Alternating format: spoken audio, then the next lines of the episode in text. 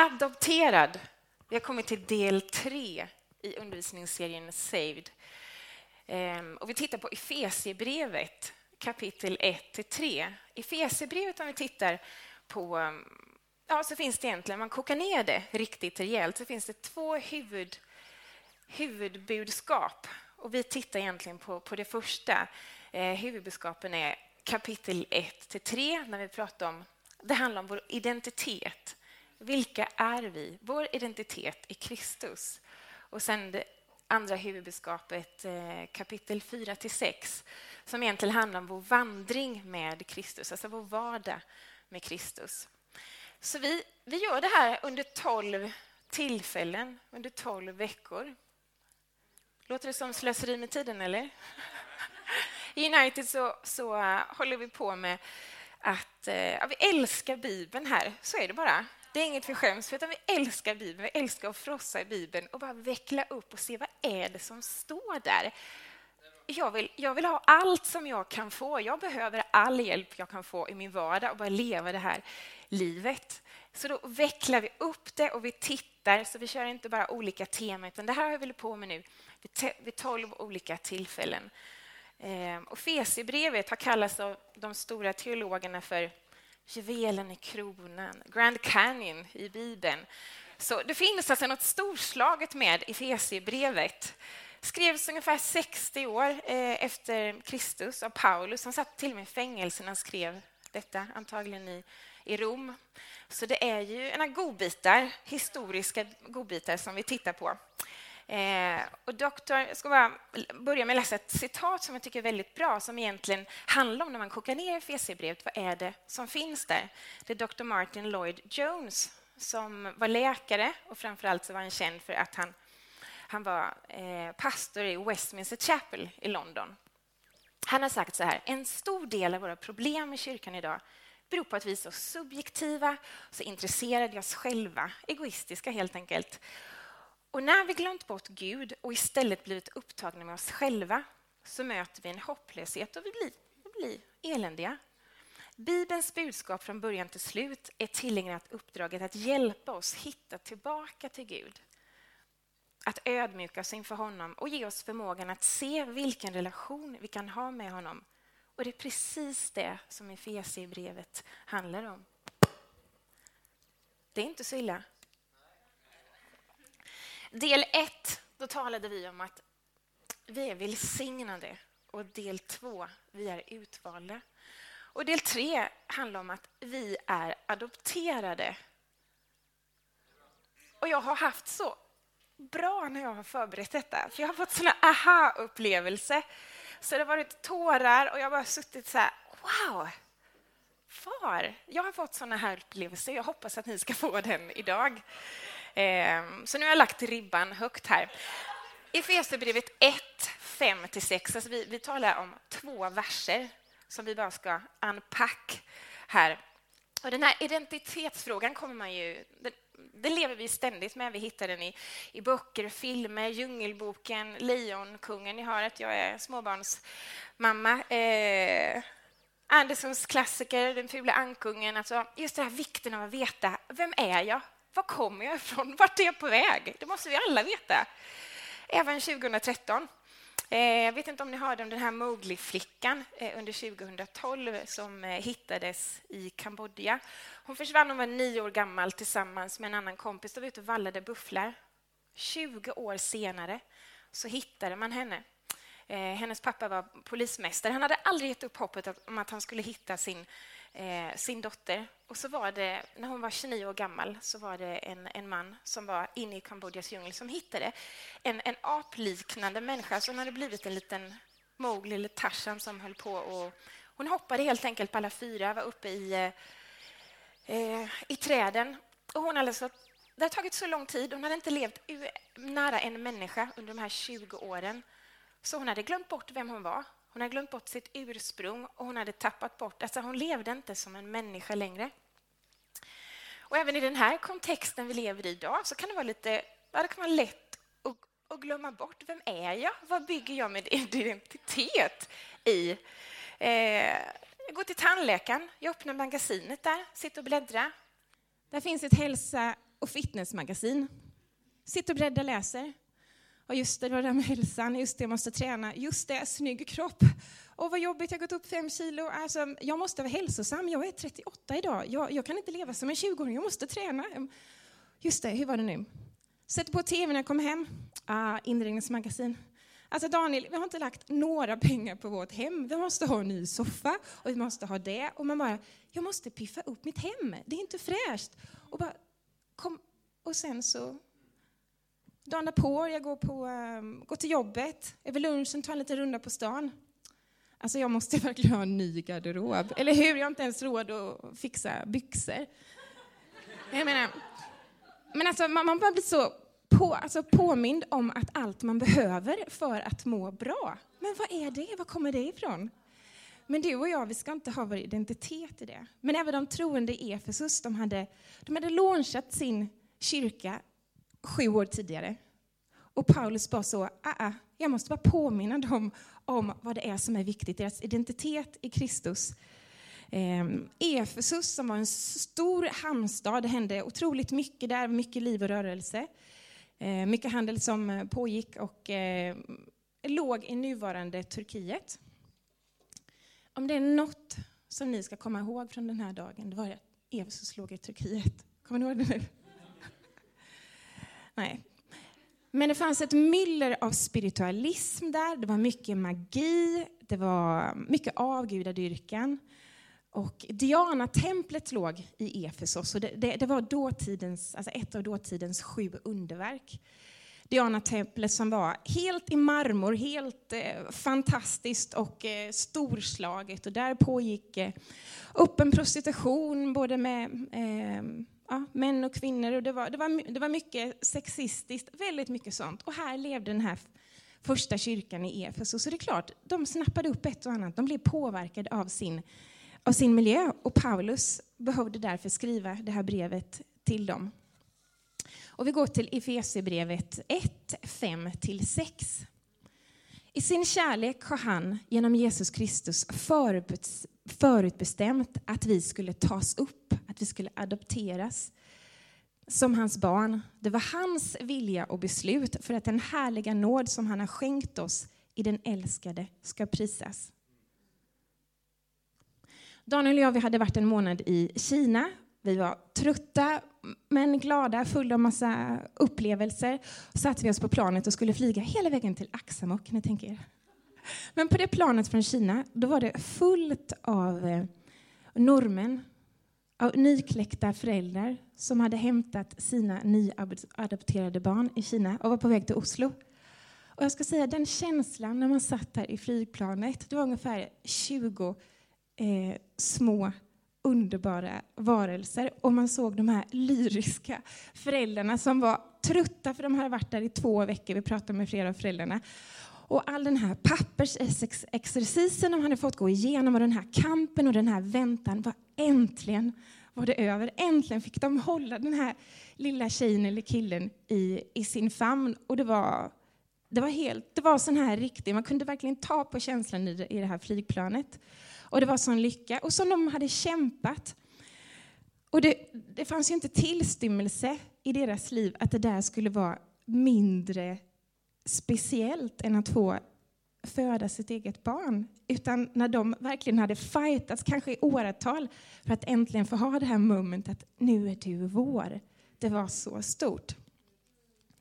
Eh, en, en väns eh, vän till mig berättade om en, eh, han hade ett bekanta och de hade ett eh, de adopterade en liten kille. De hade kämpat i, i flera år för att eh, försöka få barn och eh, det gick inte. Och sen så släppte spänningarna och så mm, när de hade precis fått ett adopterat, en, den här lilla killen, så ploppade ut eh, en, en liten kille till. Så de hade en, en biologisk son och en adopterad son. Sen kom det här ögonblicket när de skulle sätta sig ner. Så vi, vi, vi behöver ju berätta. Vi behöver ju berätta liksom hur, hur det gick till. Det var ju inte storken, utan, och det var, vi måste bara berätta. Och den här, och de berättade, men det var ju så här att eh, du låg ju inte i mammas mage när du var, när du var, när du var bebis, utan vi fick dig. Vi hade längtat i flera år efter att få dig. Och vi hade kämpat och, och det kom ingen bebis och, och då bestämde vi oss för att vi skulle försöka adoptera. Och så berättar de hela den här storyn. Och den här killen som var adopterad, alltså han var helt tagen och efteråt bara men alltså det här är alldeles fantastiskt för ni har kämpat för att få mig. Men alltså jag, jag tycker synd om Johan. Alltså, kan inte han också få bli adopterad? För han, liksom, den här kampen, alltså det har ju bara nio månader och sen var det fixat. Men mig har ni kämpat för i flera år. Det blev så stort. Och han, men, jag menar då, han hade fattat vad det handlade om. Och när jag läser det här, när jag fick den här aha-upplevelsen, Gud, alltså min far han har adopterat mig så att jag kan få vara del av Guds familj. Det är ju så stort. Och jag tror inte, jag har, jag har inte riktigt fattat innan vad det innebär att bli adopterad. Men det ska vi, vi ska bara få fatt på det idag. Så är du adopterad här idag kanske, eh, ja fysiskt eller säga, nej men så bara var stolt över det och det du har med dig. Alltså det, det är något stort och som dina föräldrar har kämpat för att ha dig.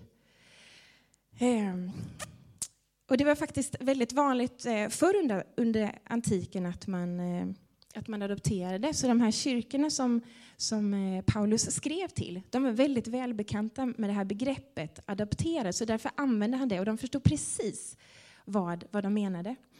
Eh, eller vad han menade. Och det var inte främst kanske att man adopterade ett barn när det var, när det var litet eller nyfött, utan man adopterade även eh, en person som var fullvuxen ålder. Det kunde vara en, en, en, rik familj som kanske inte hade någon arvinge.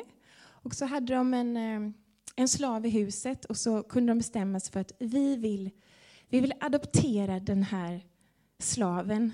Han ska bli vår son, han ska bli sonen i huset. Det här var nog det mest underbara, det mest fantastiska som kunde hända, att man kunde bli adopterad. Plötsligt så fick du samma rättigheter, du fick samma privilegier som, en, som sonen i huset. Människor var tvungna att se på dig på samma sätt. Okej, nu är han adopterad. Det har, blivit ett, det har blivit ett skifte i hans status. Och det var så stort, det var ingen som kunde se på den personen på något annat vis. Utan han bara hade, han fick hela paketet, det fanns liksom inga reservationer. Så den här bilden använde Paulus hela tiden, vilket gjorde att de, de troende, de fattade bara wow, det tillhör oss.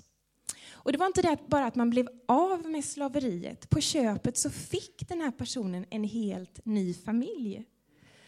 Så när, när Gud adopterar mig, när han adopterar oss, när vi, blir, när vi får bli hans barn, då blir det inte bara att vi får en ny far, vilket är så stort i sig, men vi får också en helt ny familj. Och, och, det är väl någonting som, som vi har haft en aha-upplevelse, vi som fått vara med nu i starten och börja forma United Stockholm. Alltså kraften i att man, att man är tillsammans och man hjälps åt. Och vi har inte haft någon kyrka att gå till, vi har inte haft någon byggnad. Vi har bara haft varandra. Alltså det har varit bra att bara klä av det där. Vad har vi då? Vad, vad har vi som bär? Och det har faktiskt funnits någonting som bär. Och vi har alltså över middagar och bara, eh, alltså, bara levt och delat liv tillsammans. Man bara wow! Vi har kyrka tillsammans, vi är en familj. Eh, och det får vi också på köpet när, det, när vi blir Guds barn. Så nu ska vi titta på, jag har, jag har, inte så många punkter, men de punkter jag har de är väldigt bra. Och den första punkten är, vi får som adopterade får vi ny ställning och nya privilegier. Och det här ordet för adoption, det betyder att bli insatt, inplacerad som son. Och är du som jag kvinna så ska inte du känna att du ska hänga upp dig på det, utan det, bara, det, är bara, det var det ordalaget som, som användes. Så, så, mm, halva mänskligheten har inte eliminerats, utan det här gäller både söner och döttrar. Så haka inte upp dig på det nu. Eh, men just den här läran och adoptionen, det, det bygger ju på att man inte man är inte ett barn från början i familjen. Jag menar, en, en person som blir adopterad är inte del av familjen först, utan man föds och så blir man adopterad så kommer man med i familjen. Och samma sätt, för jag menar det finns den här en, en skön flummig tanke som florerar om att eh, ja, men we're all a big happy family och alla är vi Guds barn och, och, liksom, och vi bara kommer sväva med och bli alla del av det fantastiska som väntar efter, efter jordelivet. Men den tanken kan du inte hitta någonstans i Bibeln. Utan läran om adoption det bygger på att människan inte genom födseln är ett Guds barn, utan genom att vi blir födda på nytt så blir vi Guds barn. Och det är en väldigt stor skillnad. Hade det varit så att vi bara fick med det på köpet när vi föddes, då hade ju inte frälsningen behövts. Då har ju det Jesus har gjort på korset är helt, är helt ogjort. Så det är ju det är stort det Jesus har gjort. Han har gjort det möjligt för oss att bli adopterade. I Efesierbrevet 2 och vers 3. Bland dem var vi alla en gång när vi följde våra syndiga begär och gjorde vad köttet och sinnet ville. Av naturen var vi vredens barn, vi liksom de andra. Så jag hittar inte på det själv, utan här ser du det svart på vitt. Utan när vi blir födda på nytt, alltså genom att vi tar till oss av det Jesus gjorde på korset. Jag tar till mig av det. Jag ger respons på att han har gett sitt liv till mig. Då kan jag få nytt liv och då kan jag bli adopterad och bli ett Guds barn. Johannes 1, vers 12-13. Men åt alla som tog emot honom så gav han rätten att bli Guds barn, åt alla de som tror på hans namn.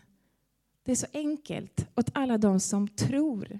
Det handlar bara om att tro och så tar vi emot. Det, det är lite för enkelt för vi, för oss människor, men så enkelt är det. De är inte födda av blod eller av köttets vilja eller någon mans vilja utan av Gud privilegier då? För ni pratar lite om ställningen, status, men det är också, man får, man får ju privilegier på köpet när man blir adopterad. När jag bodde i Jönköping och eh, då fick vi eh, Caleb, vår förstfödda, vår son. Och det är väldigt speciellt att hålla sitt, sitt, eh, sitt första barn. Det är alltid speciellt att hålla sina barn, men just när man, du vet vad jag pratar om. Ni har haft Ian ett par veckor och det är så magiskt. Och jag, bara, jag är beredd att göra vad som helst för att beskydda det här lilla barnet. Alltså det, bara, det väcks någonting på insidan som man inte känner igen. Och det fick Patrik Lorentzon smaka på när vi bodde i Jönköping. Av någon anledning, jag vet fortfarande inte hur, så skulle han lämna en nyckel. Eh, och jag var i lägenheten ensam med eh, nästan nyfödde Caleb. Och eh, Ja, vi får prata om det här senare, Patrik, men jag minns inte varför du inte tog dörrvägen, utan han bestämde sig för att klättra över balkongen. Och när jag står där och vaggar runt, går lite med Caleb, så ser jag en mansgestalt i min, alltså bara sådär från sidan. Vänder mig om och Patrik sa det, det jag såg i dina ögon har jag aldrig sett innan. Och det var inte roligt. Han var, han, det, var liksom, det var mod i blicken. Men alltså när man får ett barn och det är ens eget, det bara väcks såna. Jag är beredd att göra i princip vad som helst för att beskydda mina barn. Det är det finaste jag har och jag älskar dem av hela mitt hjärta. Kom inte du, don't touch them alltså. så när Patrik kom och klättrade över balkongen, alltså jag hade ingen aning om vem det var, men inte trodde jag att det var Patrik. Men han lämnade nyckeln och vi är eh, vänner idag. Så framgångsteologi teologi är egentligen helt onödigt när vi greppar vad det innebär att vara adopterade, för i det finns allt. Eh, bara läser alltså, Matteus och genom hela Bibeln är det bara fullt av löften och, och Guds omsorg och Guds godhet, hur han vill oss väl. Finns det någon bland er som ger sin son en sten när han ber om bröd eller ger honom en orm när han ber om en fisk? Om nu redan ni som är onda förstår att ge era barn goda gåvor, ska då inte er far i himlen ge det som är gott åt dem som ber honom? Och Det har blivit en här upplevelse för mig. Jag är beredd att göra precis vad som helst för att mina barn ska må bra. Och jag i mänsklig version, jag kan inte mäta mig med Gud som är skaparen som har alla möjligheter och en enormt mycket större kärlek. Han är, han är Gud. Men alltså den kapaciteten han har att älska jämför med min lilla mänskliga kapacitet att älska. Alltså man får lite den här upplevelsen. Okej, okay. det är stort. Nummer två, den intima relationen som vi får del av när vi blir adopterade och blir Guds barn. Drivkraften bakom adoption, alltså om man vill eh, adoptera ett barn, det är inte det tekniska, det är inte det juridiska, utan det är kärleken som, det är kärleken som driver en. Man bara längtar efter att få dela livet, dela tiden och, och kärleken med, med en annan människa. Det är därför man vill bli fler och bilda familj. Om vi tittar gamla testamentet, före Jesus träder in på scenen så är det faktiskt bara vid 14 tillfällen som Gud tilltalas med begreppet far. 14 tillfällen under hela gamla testamentet. Och ni vet, gamla det är så här tjockt och så sen kommer nya och det är inte speciellt tjockt jämfört med gamla. Men även när vi hoppar in i Nya testamentet, när Jesus trädde fram på scenen, då använder han bara begreppet far. När han talar om Gud, hela tiden. Va? Något har hänt. Alltså han, han har eh, lanserat intimiteten på, på ett helt nytt sätt. Så det var inte bättre förr, utan vi har det faktiskt vi har det bättre. Den tillgängligheten vi har till, till vår far, den intima relationen. Eh, Matteus 6 och 9 så um, står det, så ska ni be vår far som är i himlen. Så Jesus han började lansera det här för lärjungarna och det var något nytt. Det var lite ovant för dem, men alltså, hur kan det vara så intimt? Alltså, fader, liksom, vi, har, vi har respekt, inte titta upp. Men Jesus bara, nej. Pappa. Det var vad han sa. För det var inte bara så att han sa vår far. Jag menar, jag säger inte, eller vår, när vi läser Fader vår som är i himlen. Det låter jätteuppstyltat. Jag säger inte, kommer hem till Cirkelvägen 16 i Jönköping bara, hej fader Kurt, hur är det? Det är jätteuppstyltat. Jag säger, hej pappa. Pappa, det har jag sagt sedan jag var liten, sedan jag var nykläckt. Pappa. Och det är precis det ordet som, som Jesus använder, Abba. Det är samma ord som, som en nyfödd bebis, alltså när, när, ja, nyfödd och nyfödd, men när de börjar prata så är det Abba, dada. Det är det ordet, och det är väldigt intimt, det är naket. Alltså, så Jesus vill inte att det är, han kom inte med det här uppstyltade, nu ska vi vara fromma och säga Fader vår, utan han bara pappa. Och det betyder ju inte att, att eh, det blev något klämkäckt eller att det blir den här lilla kramiga nallebjörnen, utan Jesus hade respekt för sin far. Men i den respekten så kunde han ändå kombinera den med den intimiteten. Och jag tror ibland blir det antingen eller. Antingen så förhåller vi oss som att Gud, han är, det är sån distans och jag ska ha sån respekt och fruktan för honom. Eller så blir det det här gosenallegrejen som jag har väldigt svårt för. Du, du, du, jo, han hjälper mig när jag behöver honom. Jag menar, det finns ju ingenting i det som är bibliskt, men just att Jesus han kombinerade den här intimiteten.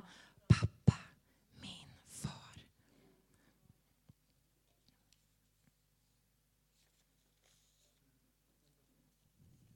Att ha det rätt ställt mellan, mellan dig och Gud, att bli rättfärdiggjord, det är stort.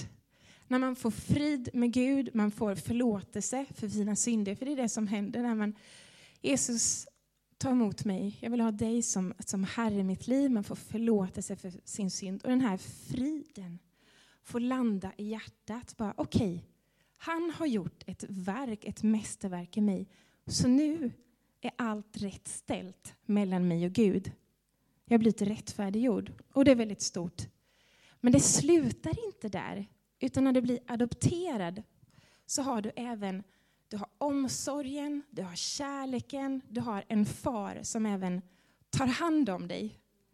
Så det är stort det här. Så därför existerar inte den här frågan, vad kan jag göra för att förtjäna Guds kärlek? Vad kan jag göra? Alltså, Gud, vad kan jag göra för att förtjäna dig? Den frågan existerar inte i himlen överhuvudtaget. Den existerar inte i Guds sinne. Det är vi som har hittat på den, för vi är vanade att det blir lön för mödan. Jag gör någonting så får jag någonting som jag förtjänar. Men hela frälsningstanken är uppbyggd på att vi inte förtjänar den. Det är nåd. Tredje och sista punkten, det handlar om fostran. Hebreerbrevet 12, vers 5 11. Min son och dotter, Förakta inte Herrens tuktan och tappa inte modet när det tuktas av honom. Ty den Herren älskar tuktar han och han agar var son som han har kär. Det är till er fostran som ni får utstå lidande. Gud handlar med er som är söner. Tukta, aga, fostra. Eh, det är ju ord som ger eksem och kliutslag 2013. Eh, vad menar Paulus egentligen med det här? Det är så enkelt som att det mest kärleksfulla som jag som förälder kan göra för mina barn, det är att jag fostrar dem, att jag uppfostrar dem, att jag är närvarande som förälder, hjälper dem, korrigerar dem. Om jag och Daniel skulle släppa våra barn fria så skulle inte ni komma tillbaka till oss igen. Ni skulle aldrig vilja gästa oss, ni skulle inte vilja komma på en lunch eller någonting. Det skulle vara kalabalik. Våra barn de skulle vilja spela iPad, de skulle vilja äta lördagsgodis varje dag, titta på TV, äta glass. Nu finns det tragiskt nog vissa människor som lever i det här liksom, godis, iPad, eh, glass, dagarna ända. Men alltså vi som föräldrar så vill man ju rise and shine, det finns mer. Och jag ska säga dig att jag var en otroligt duktig förälder innan jag fick barn.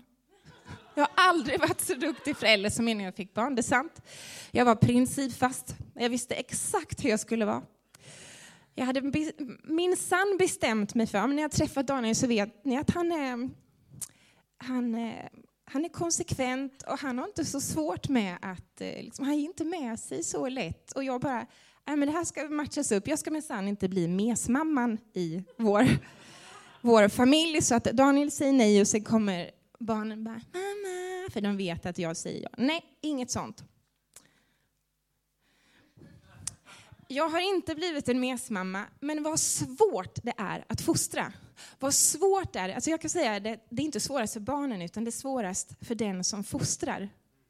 Det, där, det är den som behöver tålamod, den som behöver stå pall och när man står där och lagar middag och man har tre barn som skriker, bara, då är det så lätt att bara sätta på tvn, ja, 15 minuter där så jag bara får lite lugn och ro. Istället för att, okej, okay, jag tar den här konflikten nu. Inspirera dem till att gå upp på sina rum, göra något produktivt istället. TVn ska inte bli en barnvakt i vårt hem. Det har jag bestämt för länge sedan. Men när man, när, man, när man är där och när man har väldigt små marginaler så är det så svårt att hålla hela vägen. Så det har jag. Jag har respekt för fostran, men jag ser det är det som gör skillnaden. Alltså, den enda framgången för våra barn det är att Daniel och jag fostrar våra barn väl. Och våra barn behöver inte främst att vi är vän med dem. De kommer att få så många vänner längs vägen. Om jag försöker konkurrera med det, att jag ska bli deras bästis, så kommer jag någonstans på vägen förlora. Utan vad mina barn behöver av mig, det är att jag är förälder. Att jag är närvarande, att jag kan ge dem den trygghet de behöver, den kärlek de behöver. Och eh, jag älskar dem för mycket för att släppa dem lösa, för att jag vet att de vet ännu inte sitt, sitt bästa. Och jag kan ångra att jag inte gått längre. Jag kan ångra att jag inte orkat hela vägen. När jag bodde i Tensta, Rinkeby under 90-talet så hade jag ett par år där och då träffade jag på en, en, en tjej, vi kan kalla henne för Nina. Hon var 17 år när jag träffade henne. Hon blev en lilla syster. Hon hade börjat, hon hade en väldigt annorlunda bakgrund från mig med min trygga, klämsäcka, glada bakgrund. Hon hade börjat eh, och knarka när hon var 13 år och hade lite brokig bakgrund. Så vi träffade henne när hon var 17. Och vi var annorlunda, men eh, vi fann varandra. Men någonting... Alltså hon kunde ringa mig och så kunde hon säga så här. Linda, igår så mm, jag blev lite extra packad och jag eh, misshandlade en tjej. Jag blev jättearg och så låg hon där nere, jag sparkade ner henne och så, och så trampade henne på huvudet. Varför berättar hon det för mig? Något så fruktansvärt. Så ringde hon vid ett tillfälle och så sa hon, Linda, igår hade jag sex med en kille, jag tog betalt för det. Då hade hon gått över en gräns som hon visste att den gränsen får jag aldrig gå över. Varför berättade hon det för mig? Vet du, Nina, hon var så hon bara skrek efter att någon skulle vara närvarande i hennes liv och sätta gränser. Hon hade aldrig haft någon som hade satt gränser. Hon var beredd att göra vad som helst för att någon skulle säga ifrån. För hon behövde någon som var närvarande. Och då hade hennes mamma inte kunnat vara eller inte varit. Hon hade flera, flera barn, hon var trött och sliten och hade jobbat, eh, jobbade otroligt mycket. Och det är, det, är inte, det är inte lätt, men man ser alltså effekten av när man inte fostrar. Så att Gud vill fostra oss, det ska vi vara väldigt tacksamma över. Det ska vi väldigt, vara väldigt glada över. Jag vet att när, eh, bara härom kvällen så var vi ute och åkte pulka i den lilla snö som finns kvar där vi bor, bland eh, stenarna och gruset. Och då bara hände någon liten grej och Caleb blir sur, vilket händer ganska ofta. Och vad han gjorde då var att han bara, han bara gick iväg och efter en liten stund, jag försökte bara lösa konflikten och sen vi var kalla så jag bara, nej, Ville och Bianca och jag, vi går hem nu. Du kan stå där och sura. Vi, liksom, helt enkelt, vi skiter i dig nu, det sa jag inte, men det var egentligen det jag gjorde. Och så började vi gå tillbaka. Så pratade vi om det här när han, när han skulle gå och lägga sig, så sa han, men mamma, jag ville ju inte att ni skulle gå, ni fick ju inte lämna mig. Alltså, han, han hade sett situationen helt annorlunda. Det sista han ville, det var egentligen att jag inte skulle fostra honom. Det var okej okay för honom bara jag var närvarande och visade. Så det, det sämsta man kan göra med ett barn det är att man bara låter det vara. Bara låter det, för bara skiter i vilket, liksom. bara gör din egen grej. Det är det sämsta man kan göra för ett barn. Det sämsta som kan hända för oss som troende, det är att Gud bara skulle skiter i vilket, det får gå som det vill. Men att ha en förälder som är närvarande, att ha en Gud, en far som är närvarande. Han är tillgänglig, han bryr sig om mitt nu, han bryr sig om min framtid. Han vill fostra mig. Och då gäller det att där, när vi pratar om helgelse, det är egentligen alltså att Gud tar ett enormt stort ansvar i våra liv för helgelsen. För det är när han fostrar oss som det sker. Så det är han som initierar det. Men samtidigt behöver jag, jag behöver ju vara med på tåget, jag behöver vara öppen. Om jag bara hela tiden slår ifrån mig när jag hör den här hör den här inre rösten, eller jag får den här känslan i magen, och du vet bara hur det känns i hjärtat, äh, det där var inte bra. Det där måste jag göra upp med. Jag måste gå till honom, eller jag måste, jag, jag måste dela med det här. Det får inte vi bli immuna för, utan det, så länge vi håller det fräscht så kan vi fostras av Gud, han med sin heligande. Och vi kan, vi kan komma framåt i våra liv, vi blir helgade och vi kan leva i den intima relationen med, med Gud.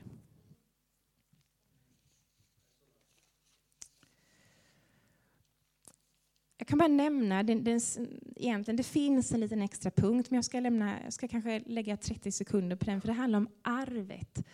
Arvet som finns tillgängligt när vi blir Guds barn, när vi blir adopterade av Gud. Vi kommer lägga en hel undervisning på, på just den delen, men jag kan bara nämna lite kort arvet. Det som är viktigt att få med sig här, det är begreppet nu, men ännu inte. För här i jordelivet, alltså vi kan leva och ha en nära relation med Gud. Vi, kan, alltså vi får del av rättigheter, vi får en status när vi, när vi blir troende, när vi blir insatta, inplacerade i Guds familj. Men samtidigt blir det en helt annan dimension på andra sidan evigheten. När vi får leva tillsammans och dela den här nära gemenskapen med Gud i, eh, i det landet som jag hoppas vi alla längtar efter. Det som faktiskt är en verklighet, det som är på andra sidan. Och där kan ju den relationen, det blir en helt annan dimension. Alltså, det blir, det blir, alltså tanken svindlar ju. Bara, wow! Ja, lite svårt att greppa det. Så jag menar till viss del, så jag menar det är nu, men ännu inte. För det kommer bli en helt annan dimension på andra sidan. Jag kommer av, avrunda där. Eh, ni får gärna komma upp, eller du med gitarren eller piano, pianot. Jag tänkte att vi skulle be tillsammans. Jag vill, jag vill läsa bara vad en av 1900-talets främsta teologer har sagt. Så ni kan bara, om ni vill, sluta era ögon eller titta. J.I. Packer har sagt, om du vill bedöma hur väl en person förstår kristendom Ta reda på vad han gör med tanken att han är ett Guds barn och har Gud som sin far. Om denna tanken inte dominerar hans böner, hans livssyn, alltså hans sätt att leva, så betyder det att han inte förstår kristendomen alls. För allt som Kristus lärde, allt som gör Nya Testamentet nytt och bättre än det gamla, allt som är tydligt kristet i motsats till det enbart judiska, sammanfattas i kunskapen om Guds faderskap. Far, det är det kristna namnet för Gud.